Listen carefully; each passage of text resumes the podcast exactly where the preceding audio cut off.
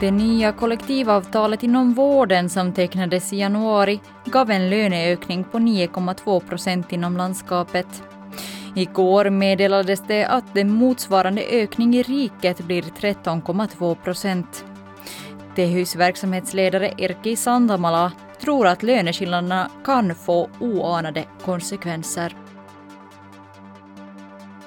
Idag onsdag hölls den första av tre rättegångsdagar i Ålands tingsrätt i ett ärende som innefattar bland annat försök till grov misshandel, olaga hot och straffbart bruk av narkotika.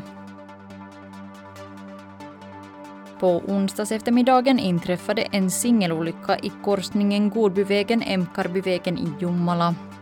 Förarens avsikt var att svänga i korsningen men bilen for över vägen och körde ner i ett dike och in i ett trafikmärke, uppger räddningsbefäl Krista Koskinen.